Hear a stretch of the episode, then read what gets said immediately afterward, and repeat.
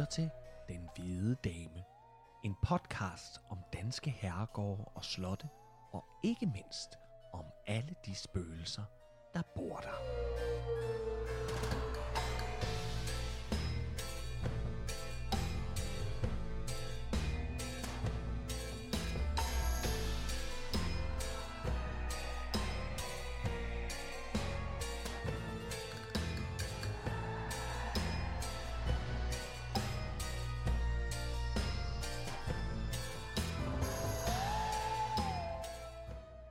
Velkommen til Den Hvide Dame afsnit 11. Hvis du er til Danmarks Historie og Spøgelser, så er du kommet det rigtige sted hen. Jeg hedder Trine Gadeberg, og over for mig sidder Kasper Lefebvre. Ja. Kasper, ved du hvad, når vi nu graver ned i alle de her slotte og godser og herregårde og et enkelt kloster har vi også haft, så synes jeg nogle gange, det kan være sådan lidt forvirrende, specielt med, med herregård og gods, hvad der er hvad. Ja. Øhm, har du egentlig har du egentlig et bud på, hvornår det er hvad? Jeg har været inde og kigge en lille bitte smule på det. Og øhm, man kan sige, det der er aller, aller klarest, det er øh, definitionen på et slot. Et slot skal, i hvert fald ifølge Slots- og Kulturstyrelsen, have haft et medlem af kongefamilien, eller en kongefamilie, eller et øh, fyrstehus boende. Mm. Det er det, der udgør et slot. Så det er, Så det er nemt nok. Altså, hvis, der, hvis der ikke har boet nogen konger og fyrster på stedet, så ja, eller prinser eller prinsesser, eller øh, then it's not your arve- castle. øh, arveprinsesser eller arveprinser, så er det, nej, så er det ikke et slot, hvis Nej. ikke de har været der. Okay. Så det er indmaden, der definerer. Når det så til gengæld kommer til herregård og godser, så begynder det at blive en lille bitte smule mere tricky. Og øhm, nu sidder der sikkert en masse mennesker derude, som vil sige, ja, ja, det er den her definition. Nu er det den her definition, som jeg har fundet og prøver at forstå. Men hvis der skulle sidde nogle lytter derude, der fuldstændig klokkeklar kan komme med en, definition, endelig, endelig definition, så, så, Så er de meget velkomne Ja. på Facebook eller Eller hvor det nu er ja, i kontakt. Instagram. Ja. Men øhm, det er sådan, at i 1500-tallet, der kaldte man de bondegårde, der hørte under en herregård, de blev kaldt for herregårds gods. Det sige, det gods, der hørte med til herregården. De goder, de rigdomme, der nu engang hørte med. Så, og så mener man, at gradvist så er gods, det er blevet sådan en samlet betegnelse for det kompleks af ejendomme, der havde en herregård som centrum. Så sådan som jeg forstår det, så er herregård og gods et eller andet sted lidt det samme. Okay. Det er lidt sådan, hvem der har, hvad man har lyst til at, at kalde det, fordi både godser og herregård har jo, øh, har jo øh, gårde tilknyttet og jorder tilknyttet, så det har heller ikke noget med størrelsen at gøre. Det er ikke sådan, at du kan definere det ved at sige, der skal så og så mange tønder land til, før det er et gods eller en herregård. Fordi det svinger jo op og ned. Ja. Og der er jo ved, også som vi har hørt i den her podcast, så kommer der herremænd eller godsejere, der har solgt fra eller købt til igennem tiden, men det ændrer jo ikke ved, at stedet er et gods eller en herregård. Mhm. Og så, så det er det. Og der er også den definition af, at en herregård, det hed det, fordi der var en herre på stedet, og i gamle dage, der var en herre en adelsmand. Men godserne har også haft adelsfolk boende. Men jeg synes bare, når, når vi sådan går tilbage og, og researcher på de her forskellige slotte og herregårde og godser, at vi ofte støder på herregårde helt tilbage fra gamle dage. Så det var en betegnelse, man brugte mest Absolut. førhen, og det måske er blevet lidt nyere at kalde det for Ja. gods. Jeg ved det ikke, men altså, Nej, ja, det, det, er sådan, jeg har det, fornemmet det, er, det tror jeg er meget rigtigt. Ja. Øh, gods er den nyeste betegnelse. Det er det, der kommer til. Så herregårdene har du. Fordi gården er jo, det, det kender vi. Ligesom vi har haft kongsgårde og den slags ting. Ikke før vi havde slotte. Før Mm. vi havde slotte, havde vi jo kongsgårde Ja. og borge og, og den slags ting. Ikke? Så, Ja. hvor, hvor, så. Men nu skal vi til Skovsbo, og vi skal til Skovsbo. Skovsbo. Gods. Gods. Gods, ja.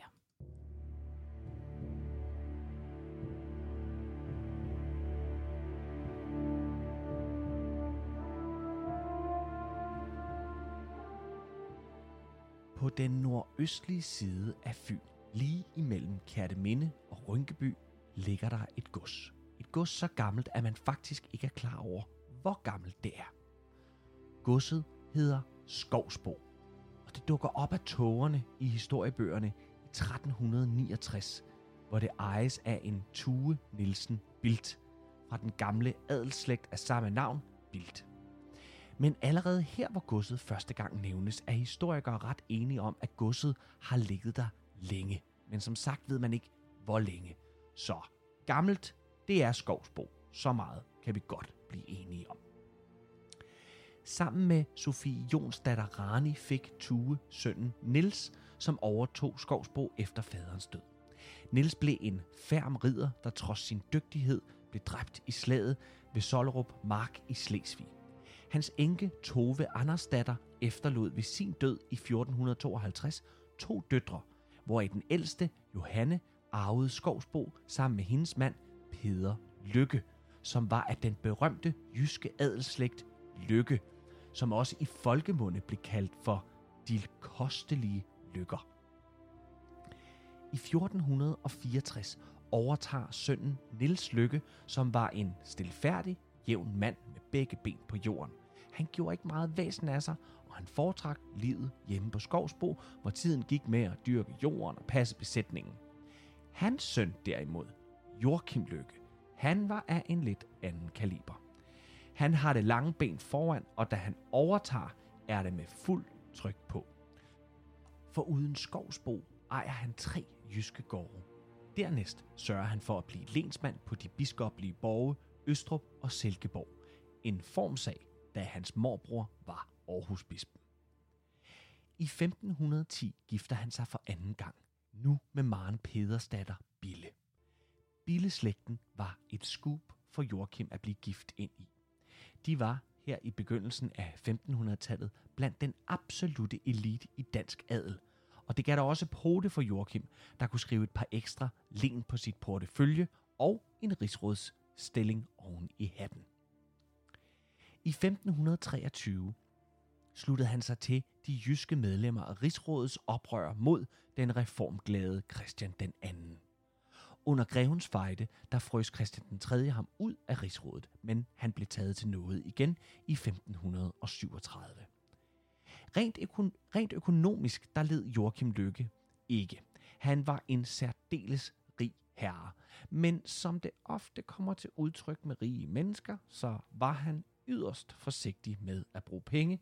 Han var kort sagt nærig. Og det ved vi med ret stor sikkerhed, både fra overleveringer, men også skriftligt, sort på hvidt fra Lykkes egne breve. For da hans datter, Karen, skulle giftes med sin trolovede Erik Krabbe, der bad morbroren Eske Bille, Joachim Lykke, om nogle tilskud til brylluppet, samt nogle perler til brudekjolen. Og her er, hvad Joachim Lykke svarede ham i et brev. Og hvad perler angår, der haver jeg, så hjælpe mig Gud, ingen perler, det ved jeg ud af. En perlehue havde Maren. Gud, hendes sjæl, havde vel besat med guld og perler, så skønt som hun kunne finde nogen steds i dette land. Den fik jeg af fru Hilleborg, og hun lovede mig at skifte den i fire parter, så Susanne, Gertrud, Karen og Helvi skulle hver få sin part, så der skulle intet glippe ud i.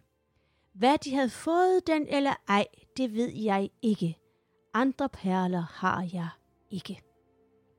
Og så lagde han en kvittering med i brevet, som skulle bevise, at han havde sendt Karen en fløjelskjole bræmmet med hermelin. Den gik ikke. Efter mange brevudvekslinger med Bille-familien og deciderede trusler, så endte det med, at den arme Joachim Lykke måtte punge ud. altså nu, bare lige for at gå tilbage til brevet, altså øh, hvis ikke lige man er helt ude i, i, øh, i øh, hvis man ikke lige har, det, det er jo skrevet i sådan noget gammeldansk, øh, altså ikke, han har ikke skyllet ned med gammel, det skal jeg ikke sige, om han har skyllet ned med gammeldansk. Men det, som jeg i hvert fald får ud af det her, det er, at der har været en perlehue på et tidspunkt Som i han familiens så... arv. Og den, ja. den, har, den ved han godt nok ikke, hvor er.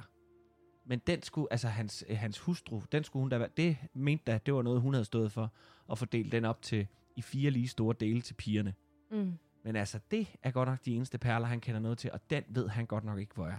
Så han vil ikke øh, Han vil ikke, punge ud med andre perler. han vil ikke af med den. Nej. Han er simpelthen så skide nær. Ja. Nå, nu skal vi tilbage til Joachim Lykke. Efter Joachim Lykkes død, der der overtager sønnen Peder Lykke, og han var skibschef under den berømte søhelt Peder Skram, som holdt Danmark, svensker og Lübecker frit igennem sin imponerende karriere. Men Peder Lykke sælger Skovsbro fra i 1562 til Ejler Hardenberg, og nu rykker en ny slægt ind på det gamle gods. Hardenbergerne hører til blandt Danmarks højadel, og Ejler Hardenberg havde tidligere været bispelensmand på Dragsholm Slot, som han forsvarede med næb og klør under grevens fejde. Hans tid på Skovsbo, den bliver meget kort. Han dør allerede i 1565, hvorefter hans søn Erik Hardenberg bliver herre på godset. Erik var en særdeles veluddannet mand. Faderen havde insisteret på en streng opdragelse og den bedste uddannelse, man kunne få. Han havde gået i skole i Vejle, Malmø og Visby og sluttede sin skolegang af i Danzig for at lære tysk. Herefter så fik han en gymnasiel uddannelse, først fra København og senere Velmingen, der ligger på grænsen til Polen. Efter gymnasiet blev universitetsuddannelsen taget i Wittenberg, hvor han boede hos Martin Luthers tætte samarbejdspartner og teolog Philip Melanchthon, som gjorde et stort indtryk på den unge mand, og som med al sandsynlighed formede Eriks gudsbillede.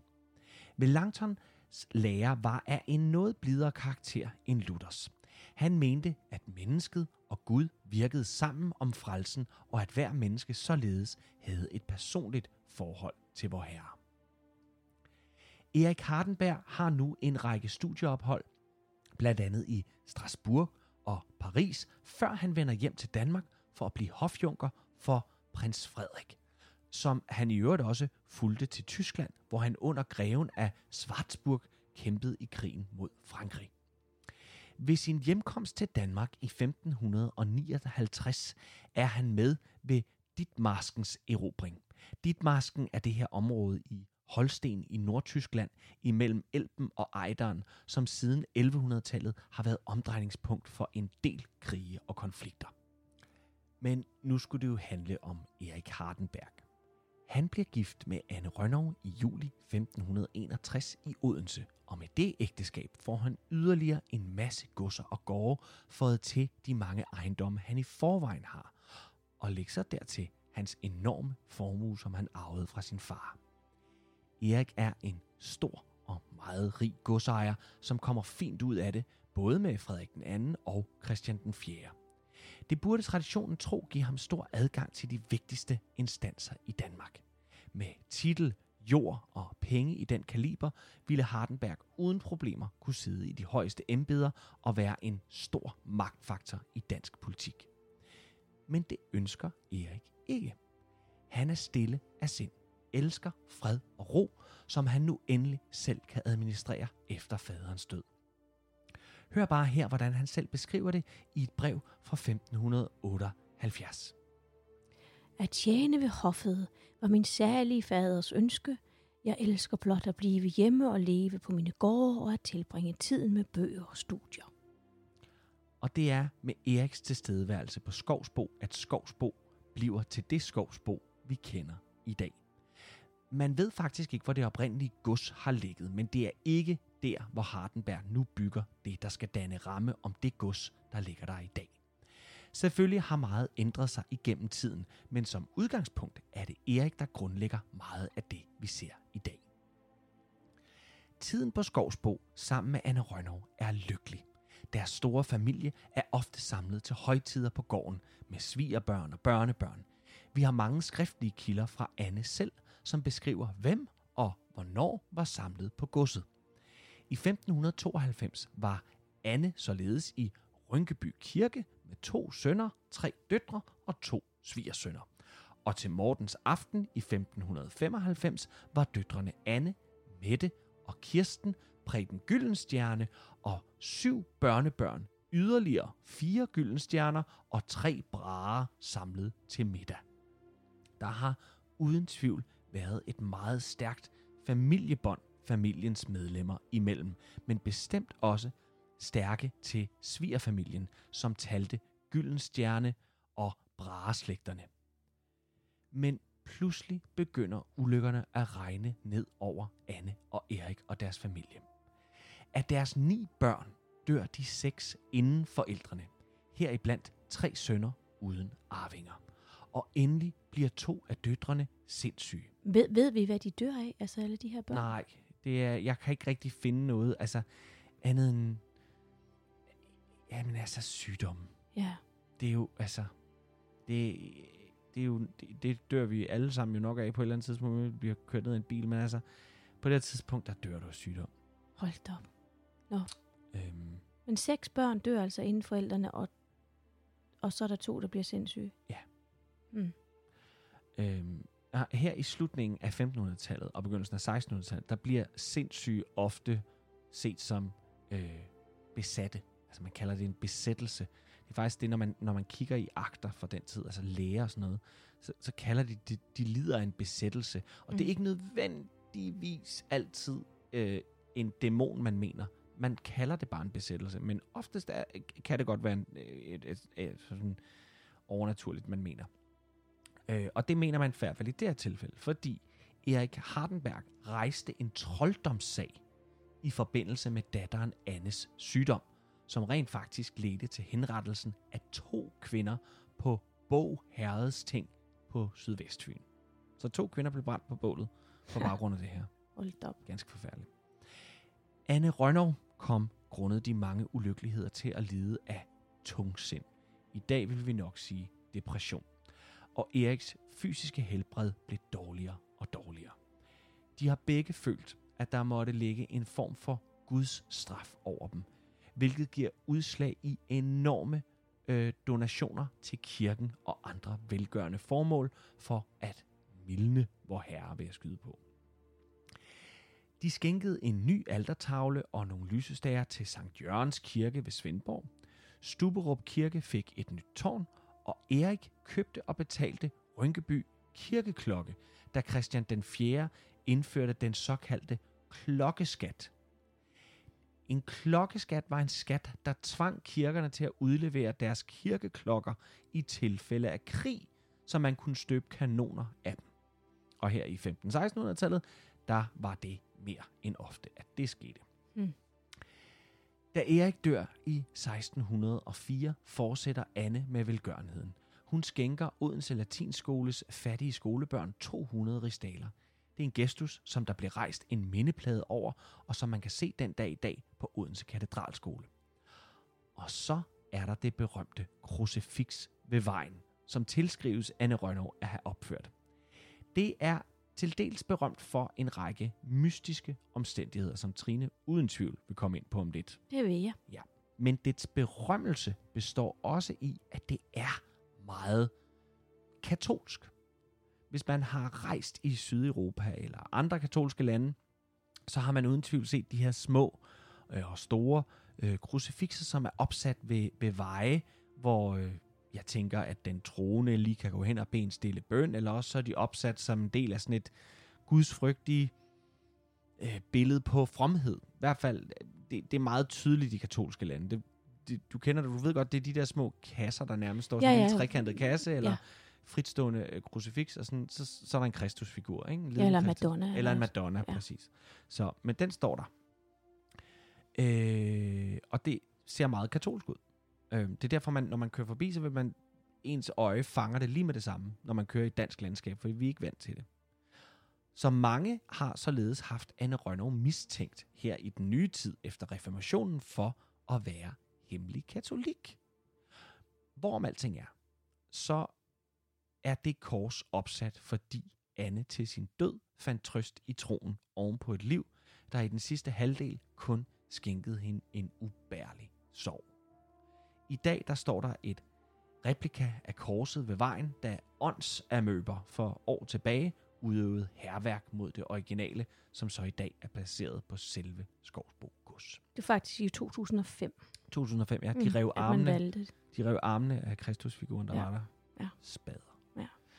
Da Anne Rønnow dør i 1609, dør hun ligesom sin mand som den sidste del af slægten og uden en mandlig arvtager. Det bliver nu datteren Mette Hardenberg og dennes mand Preben Gyldenstjerne, der overtager Skovsbo, som nu hører under, under Gyldenstjernernes slægt. Preben Gyldenstjerne var forfatter til en række skrifter om det ukulte og overnaturlige. Således udgav han en lang beskrivelse om en sild fanget i Øresund med skrifttegn på ryggen. H- hvad var det nogle skrifttegn? det var nogle skrifttegn på ryggen, som man ikke kunne tyde, men der var noget mystisk ved den sild. Men det er vist efter sine et, et relativt langt værk, han har udgivet om en sild fra Øresund med skrifttegn på ryggen. Mm. Ja, nå. Den skulle vi næsten have fat i. Det skulle vi faktisk. Men han skriver faktisk også om sin hustru Mettes sindssyge, som ifølge ham var forårsaget af en dæmon. Dæmoner eller ej, så overlever Mette Hardenberg ham, og sønnen Knud Gyldenstjerne, han tog over. Efter ham kommer og går slægter på Skovsbo, på Skovsbo med Gyldenstjerner, Rosenkranser, Biller og Alefelter, og en lang række andre familier. Kort sagt, et sandt who's who over dansk adel har igennem tiden været tilknyttet Skovsbo. I dag der er godset privatejet og lukket for offentligheden. Men hvis du alligevel har siddet og spist en god middag på Tornøs Hotel i Kærteminde, eller besøgt Rynkeby Kirke for at se de smukke kalkmaleri fra 1400-tallet, så sving da lige forbi Skovsbo Gods og nyd det udefra. Og skulle du en dag komme ind på selve Skovsbo, så kommer her en advarsel. Lad være med at gå ned i forbandelsernes kælder. Hold dig heller fra det blå værelse, og hvad end du gør, så flyt ikke på fru Anne Rønnovs krucifix. Vi skal nu høre om spøgelserne på Skovsbo.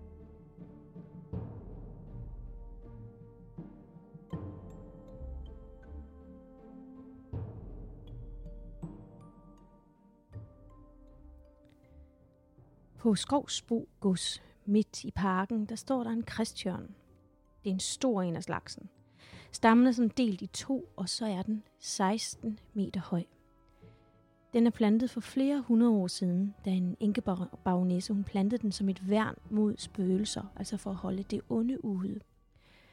Christian har jo fået sit navn efter Jesus Kristus. Han fik jo den her tjørnekrans om, om hovedet, og de røde bær, som Christian øh, bærer om vinteren, den symboliserer bloddråberne. På engelsk hedder Christian Holly, eller Holy, og den skulle øh, give ro om natten fra åndeverdenen. Derfor findes der altså rigtig, rigtig mange kristjørner, for eksempel på kirkegård. Men Ingeborg hun plantede fire af slagsen for at komme spøgelserne til livs. Og skøn Skovbo i gamle dage var hårdt plaget af spøgelser, så er det æbbet lidt ud med dem, men alligevel så er der stadigvæk ikke helt fred og ro på Skovsbo. Men lad os åbne døren og kigge ind i det blå værelse. Vi kan jo starte med at åbne det sådan lidt på klem og se ind i det herrens år 1701. Der er raballer, kan du nok høre. Et voldsomt raballer. Erik Lykke sidder på skødet af fanden selv, og fanden redder Erik Lykke med sådan en kamp, der er ild i.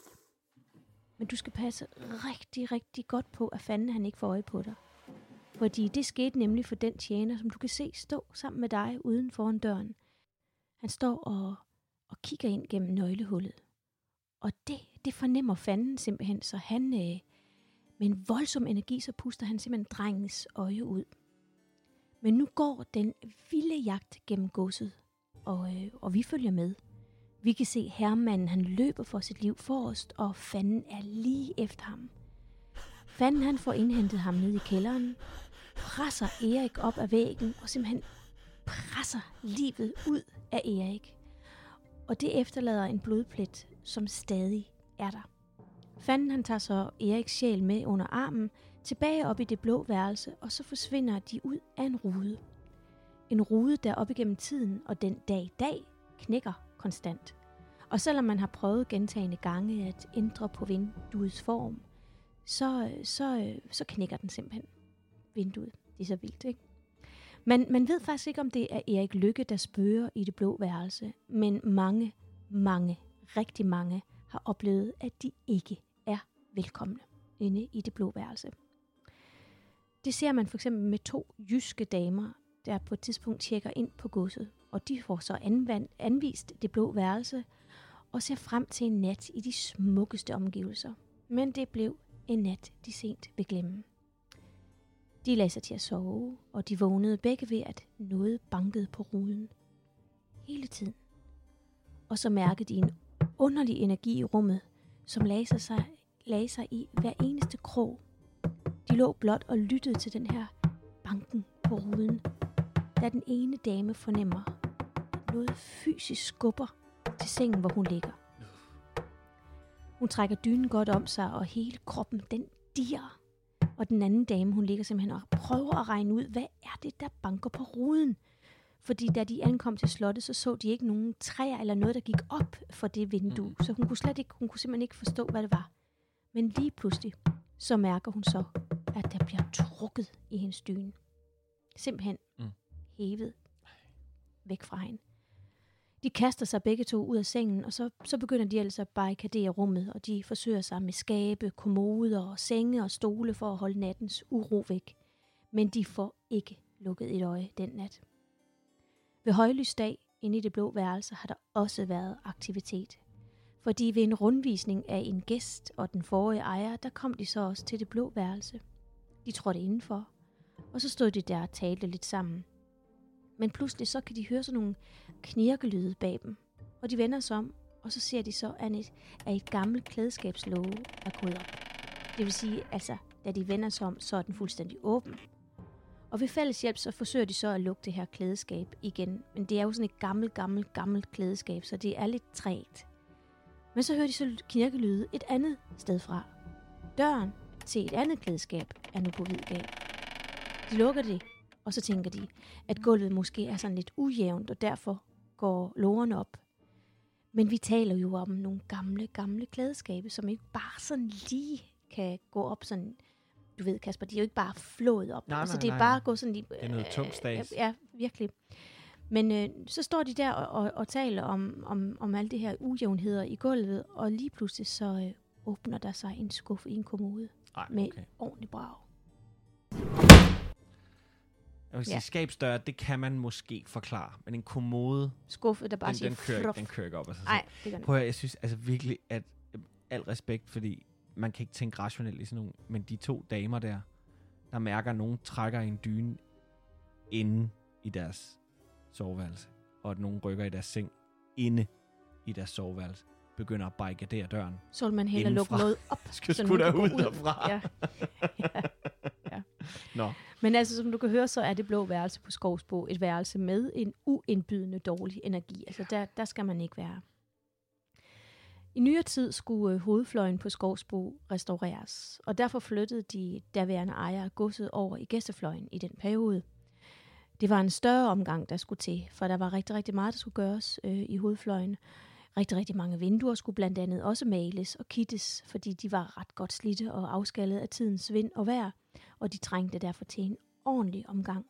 Så du kan nok forstå, at der har været et liv om dagen på godset med folk, der arbejdede.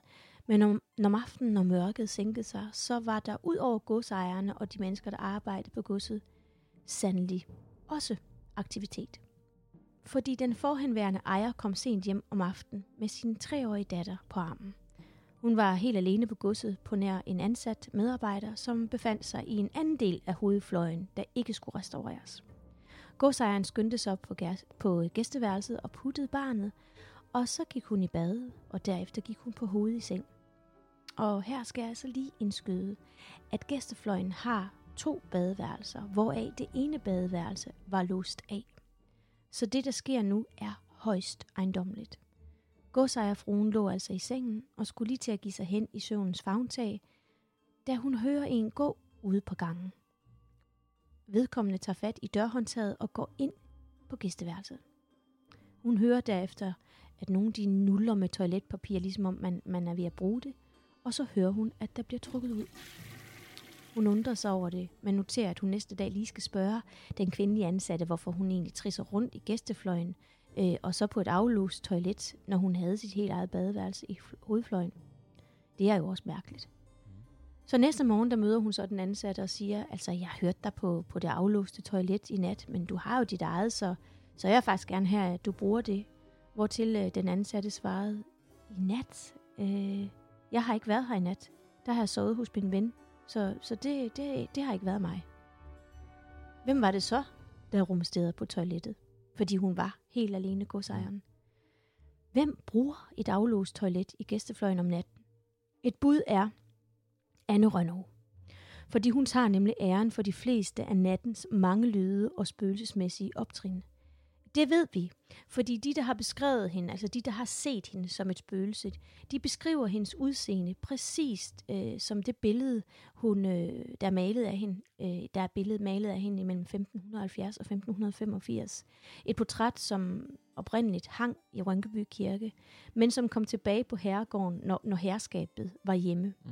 Og hvis ikke at det, det kom tilbage på herregården, så spøgte Anne Rønnow så meget på stedet, at alle tjenestefolkene simpelthen rejste deres vej. Det kunne de slet ikke holde ud, så forfærdeligt var det.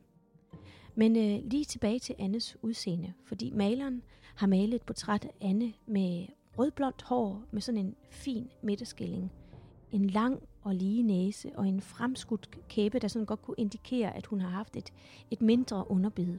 Og så var det sådan et ovalt, lille, fint ansigt og brune øjne.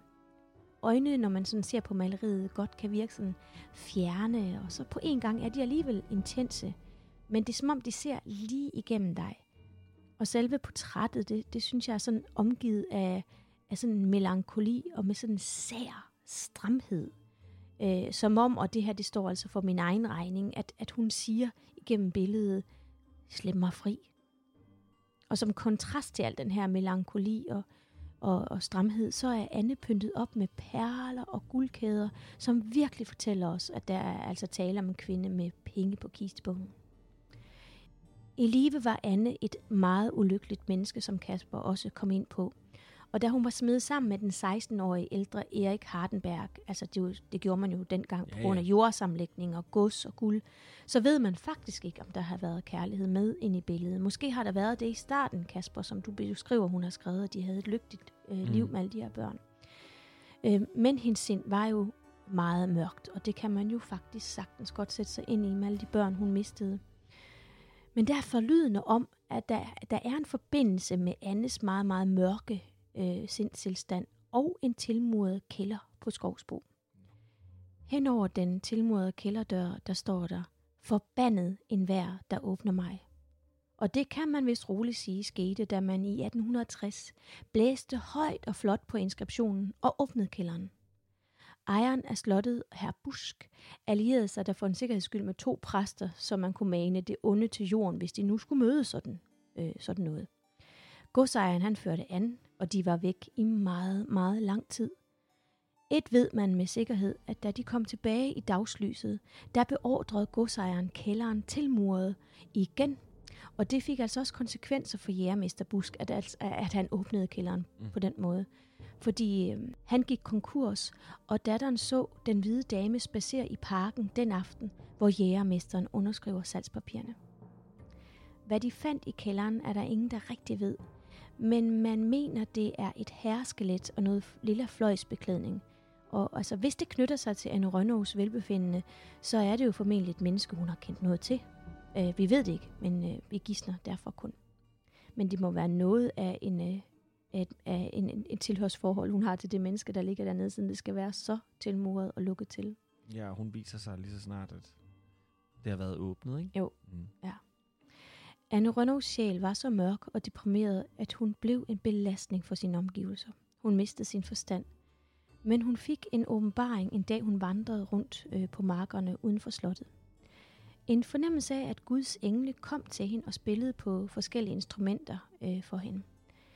Øh, det her savn, det mener man er grundlaget for et af kalkmalerierne i Rynkeby Kirke, fordi der er nemlig et billede af, hvor der flyver nogle engle rundt med musikinstrumenter – og hvert af instrumenterne er de instrumenter, som Anne beskrev. Altså de instrumenter, hun, hun beskrev den åbenbaring. Ja, ja. Men altså, Anne får en åbenbaring, og derfor var hun i den syvende himmel og så utrolig glad og lettet og skænkede det her krucifix, som hun satte samme sted, hvor hun havde mødt sin frelse. Krucifixet har været fjernet et par gange, men det har altså haft voldsomme øh, konsekvenser, når man fjerner det. Fordi spøgerierne, de tiltager, så dyr og mennesker bliver syge.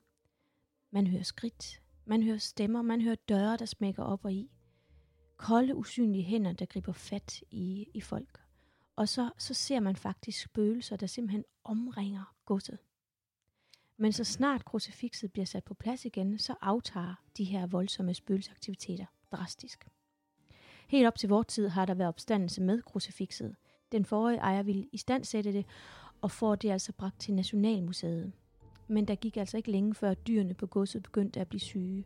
Og dyrlægen han anede altså ikke sit levende råd, hvad der var i vejen med de her dyr. Heller ikke da dyrene begyndte at dø af den her underlige sygdom. Godsejeren han valgte så at komme af med alle dyrene.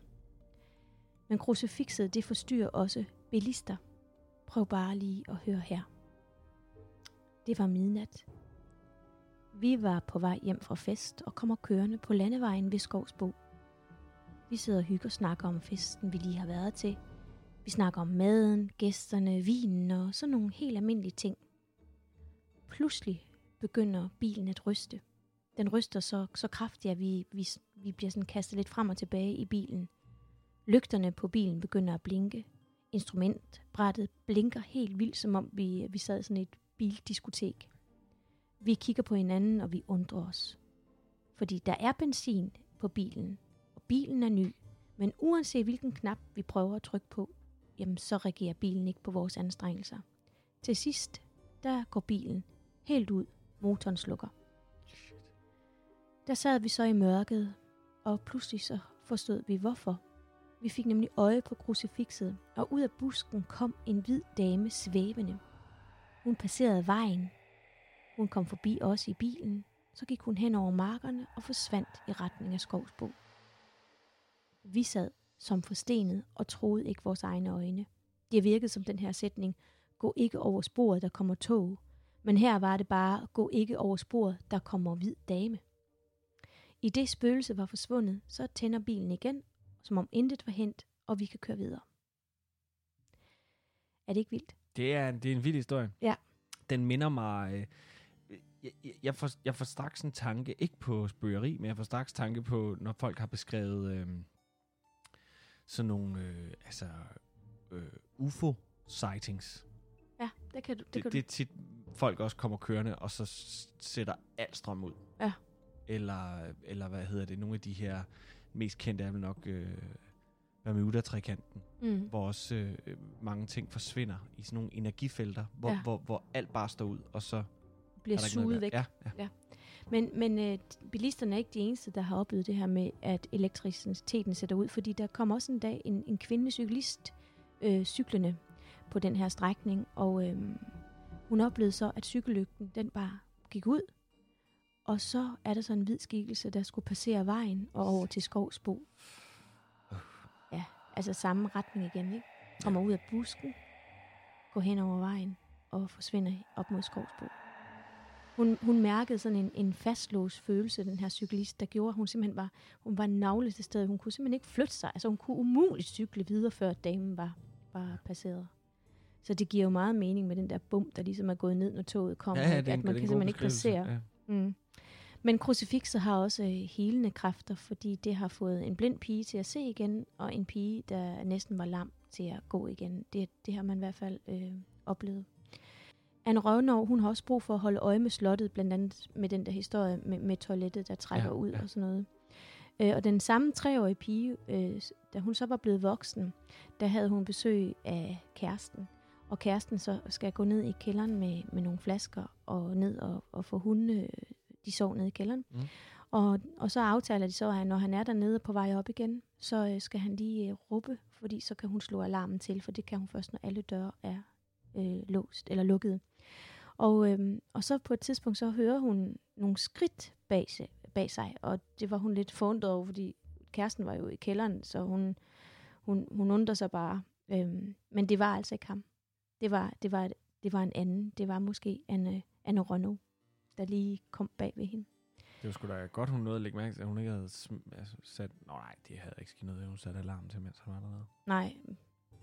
Men en anden tidligere ejer har også uh, siddet og set fjernsyn, og ud af øjenkrogen, der ser han en dame, der bare står og stiger på vitrineskabet. Der har vi det her stigende igen, Kasper. Han, han, han tror i første omgang, at det er, er konen, altså Mm. hustruen. Ja. Men det var det ikke, fordi hun lå og læste i sin seng. Og da han selv døde, ikke, der sprang fløjdøren op. Og det var der jo egentlig ikke noget underligt i, fordi øhm, det, det har man ofte registreret, når en ejer dør på godset, at fløjdørene simpelthen springer op. Okay. Ligesom om sjælen flyver væk. Ja. I selvsamme stue mange år forinden havde et spøgelse faktisk også afværet en tragedie, der ellers kunne være sket. Christian von Westenberg, han var tidligere ejer af Skovsbor. han dør meget, meget ung og efterlader sig en gravid enke. Gravid med deres første barn, så det var jo lidt en tragedie, at, at han, øh, han dør. Lige efter fødslen, der lå enken i øh, havestuen med barnet ved siden af sig i vuggen. Og pludselig en nat, der vågner hun ved, at hendes meget, meget for nylig afdøde mand viser sig for hende og bliver ved med at pege ned på vuggen. Og hun tolker det så, at hun simpelthen skal flytte vuggen og flytte værelse, hvilket hun så gør. Dagen efter styrer loft, eller styrter loftet ned lige der, hvor vuggen havde stået ganske kort tid for hende. Shit. Ja. Nå, men tak for hjælpen, men uh, ej, Ja. kan de ikke gøre det på en anden måde? En af de seneste oplevelser, som man ikke kan forklare, sker, er, da en lokal maler han får, øh, får den opgave at male alle hovedbygningens vinduer.